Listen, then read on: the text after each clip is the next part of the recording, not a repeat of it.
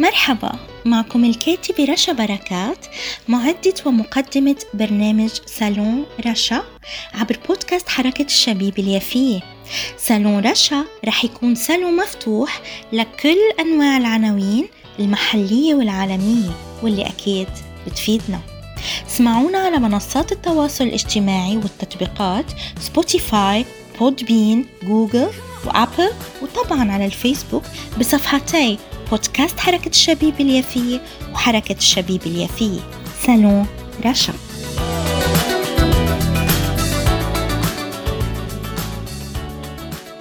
أهلا وسهلا بكم أعزائي متابعي ومحبي كل برامجنا عبر بودكاست حركة الشبيبة اليافية. آه، أما اليوم ففي صالوني صالون رشا أحببت أن آه، أذكر لكم عن كتاب مهم جدا اسمه يوميات أكرم زعيتر آمال الوحدة وآلام الانقسام 1949 1965 الجزء الأول وهو يعني ضمن ذاكرة فلسطين ومن إصدار المركز العربي للأبحاث ودراسة السياسات. آه طبعا آه أكرم زعيتر هو العربي الفلسطيني الأردني الثائر في فلسطين المناضل في صفوف الحركة الوطنية الفلسطينية والحركة القومية العربية. الأستاذ المعلم المثقف والكاتب والأديب ومن ثم السياسي والدبلوماسي. وزيرا وسفيرا وصاحب الصلات الواسعة والوثيقة مع رجالات الحركتين الوطنية الفلسطينية والقومية العربية والمطل على الكثير من الوقائع صانعا وشاهدا ومراقبا متابعا لأدق التفصيلات. وهذه السيرة تجدونها أيضا في آه، آه، غلاف الكتاب عنهم آه، أما ما كتب عن الكتاب آه، فهو التالي يدون أكرم زعيتر في هذا الجزء من يومياته الممتدة ما بين عامي 1949 و 1961 وقائع ما بعد نكبة فلسطين عام 1948 وسعيه الدؤوب إلى تحقيق الوحدة السورية العراقية ومن ثم محاولاته لتحقيق الوحدة العراقية الأردنية مستعرضا أبرز الأحداث التي وقعت خلالها انقلابات عسكرية وثورات ومقاومة الأحلاف العسكرية الاستعمارية والوحدة المصرية السورية وصولا إلى تخليه عن الجنسية السورية. والتحاقه بالعمل العام في الأردن ضمن الوفد الأردني في الأمم المتحدة عام 1961 أما في مقدمة الكتاب فسأقرأ منه نبذة آه، وعل هذه النبذة تفيد حضراتكم في الالتفاتة آه، إلى هذا الكتاب الشيق والمهم. آه، فأبدأ. واظب أكرم زعيتر بعد النكبة على تدوين مذكراته ويومياته واستمر في كتابتها على مدى سنوات طويلة فترك لنا إرثا كبيرا وهذا الإرث محفوظ لدى المركز العربي للأبحاث ودراسة السياسات ويضم يومياته المدونة بخط يده بين عامي 1949 و 1984 كما يضم رسائله المتبادلة مع العشرات من القادة والزعماء والأدباء. ويعمل الباحثون في المركز على تحقيقها وإعدادها للنشر تباعا.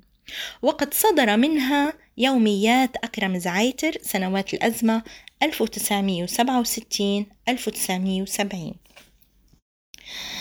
أه فتغطي هذه اليوميات ست عشر عاما شهدت أحداثا كبرى وفاصلة ولا سيما تلك التي نشأت بتأثير نكبة فلسطين عام 1948 مثل الانقلابات العسكرية والثورات وتشكل حركة التحرر العربية ونموها ومقاومة الأحلاف الاستعمارية والعدوان الثلاثي على مصر والوحدة المصرية السورية والاتحاد العربي العراق والأردن وثورة العراق 1958 وانتصار ثورة الجزائر واستقلالها والانفصال بعد الوحدة بين مصر و... بين مصر وسوريا ثم تشكيل منظمة التحرير الفلسطينية.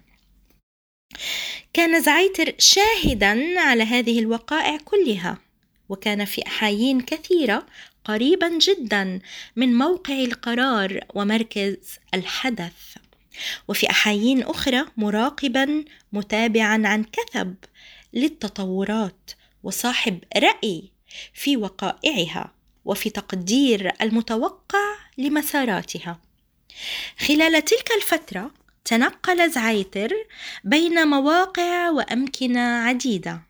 إذ كان حائزا على الجنسية السورية ومقربا من الرئيس السوري الأسبق شكري القوتلي ومستشارا سياسيا للوفد السوري إلى جامعة الدول العربية في عهد سامي الحناوي القصير قبل أن ينقطع عن ممارسة النشاط السياسي الرسمي في الحكومة السورية عائدا إلى نابلس. لم يكن زعيتر على علاقة طيبة مع قادة الانقلابات المتتالية في سوريا في ذلك الوقت وفي الأعوام التالية ظل في نفسه شيء من الضيق الناتج عما رآه من تنكر الصديق القديم شكر القوة له. بعد عودته إلى سدة الرئاسة في سوريا عام 1955 في الوقت عينه ظل محجما عن تولي أي منصب رسمي في الحكومة الأردنية نحو عشرة أعوام. كان في أغلبيتها على غير وفاق مع الحكم في الأردن بل ومنتقدا له. وسعى إبان ذلك لاسترداد الجنسية الأردنية الأمر الذي كان مشروطا بالتخلي عن الجنسية السورية. وواجه صعوبات كبيرة في مسعاه. أسندت إليه الحكومة الأردنية في مطلع الستينيات أول مهمة رسمية له حيث شارك مع الوفد الأردني في اجتماعات الجمعية العامة للأمم المتحدة عام 1961 ثم عمل سفيرا للأردن في سوريا آه، سنة 1962 حتى 63 وسفيرا آه، للأردن في طهران وكابل في منذ سنة 1963 حتى ال 65 قبل أن يصبح وزيرا للخارجية في عام 1966 لم يكن نشاط زعيتر وحركته الدائبة مرتبطين بعمله الرسمي فحسب. بل من الملاحظ أن الفترات التي كان فيها متحررا من العمل الرسمي الوظيفي كانت حركته أكثر خصوبة ونشاطية بالقياس إلى وظائفه السفرية كما يسميها. مع أن زعيتر لم يبدو يوما بصورة ذلك الموظف الحكومي التقليدي الذي يحسن القيام بما هو مطلوب منه فحسب. بل كان أقرب إلى رجل دؤوب يسند عمله الرسمي بحلقة اتصالات واسعة ودعوة مستمرة للقناعات التي يحملها. وكما تم أيضا الذكر في المقدمة آه، إلى أن زعيتر لم يكن سياسيا بالمعنى التقليدي للكلمة وفي يومياته التي يبين التي بين أيدينا اليوم أي بين أيديهم آه، يتبدى ذلك على النحو أكثر وضوحا. ففي الأعوام التي تلت نكبة فلسطين كان الرجل مناضلا يحاول جهده مع السياسيين والرسميين كي يجد نقاط طلاق تدفع إلى عمل ما باتجاه قضية فلسطين. ومن ضمن ذلك مسعاه في سبيل الوحدة العراقية السورية ثم العراقية الأردنية. ومع توليه مهمات رسمية نرى فيه صورة السياسي المختلف على نحو ما قد تم تبيانه في المقدمة كما كتب أيضا في مقدمة الكتاب. آه وإذا أيضا هناك إضافة في المقدمة تقول وفي هذه اليوميات أيضا تشكل قضيتا فلسطين والوحدة العربية الشاغل الرئيس لأكرم زعيتر الذي يبدو على الدوام أيضا شديد الاهتمام بالقضايا العربية والإسلامية على وجه الإجمال ومن هنا جاء عنوان هذا الجزء آمال الوحدة وآلام الانقسام. إذا قد بينت لكم أعزائي حول هذا الكتاب. كتاب مهم جدا وهو يوميات أكرم زعيتر آمال الوحدة وآلام الانقسام سنة 1949 إلى سنة 1965 الجزء الأول وهو كما ذكرت في المقدمة آه، من إصدار المركز العربي للأبحاث ودراسة السياسات.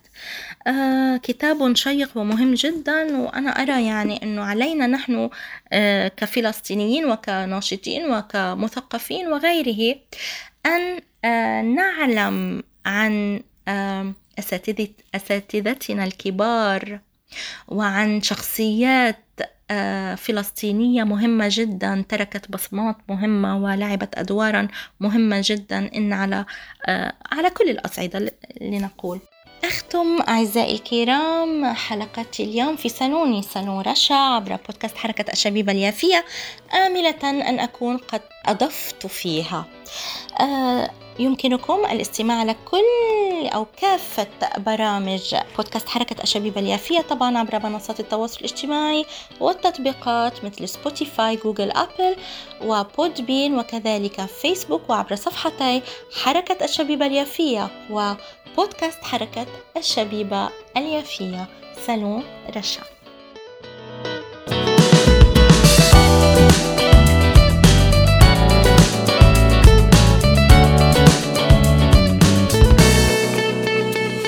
Come on.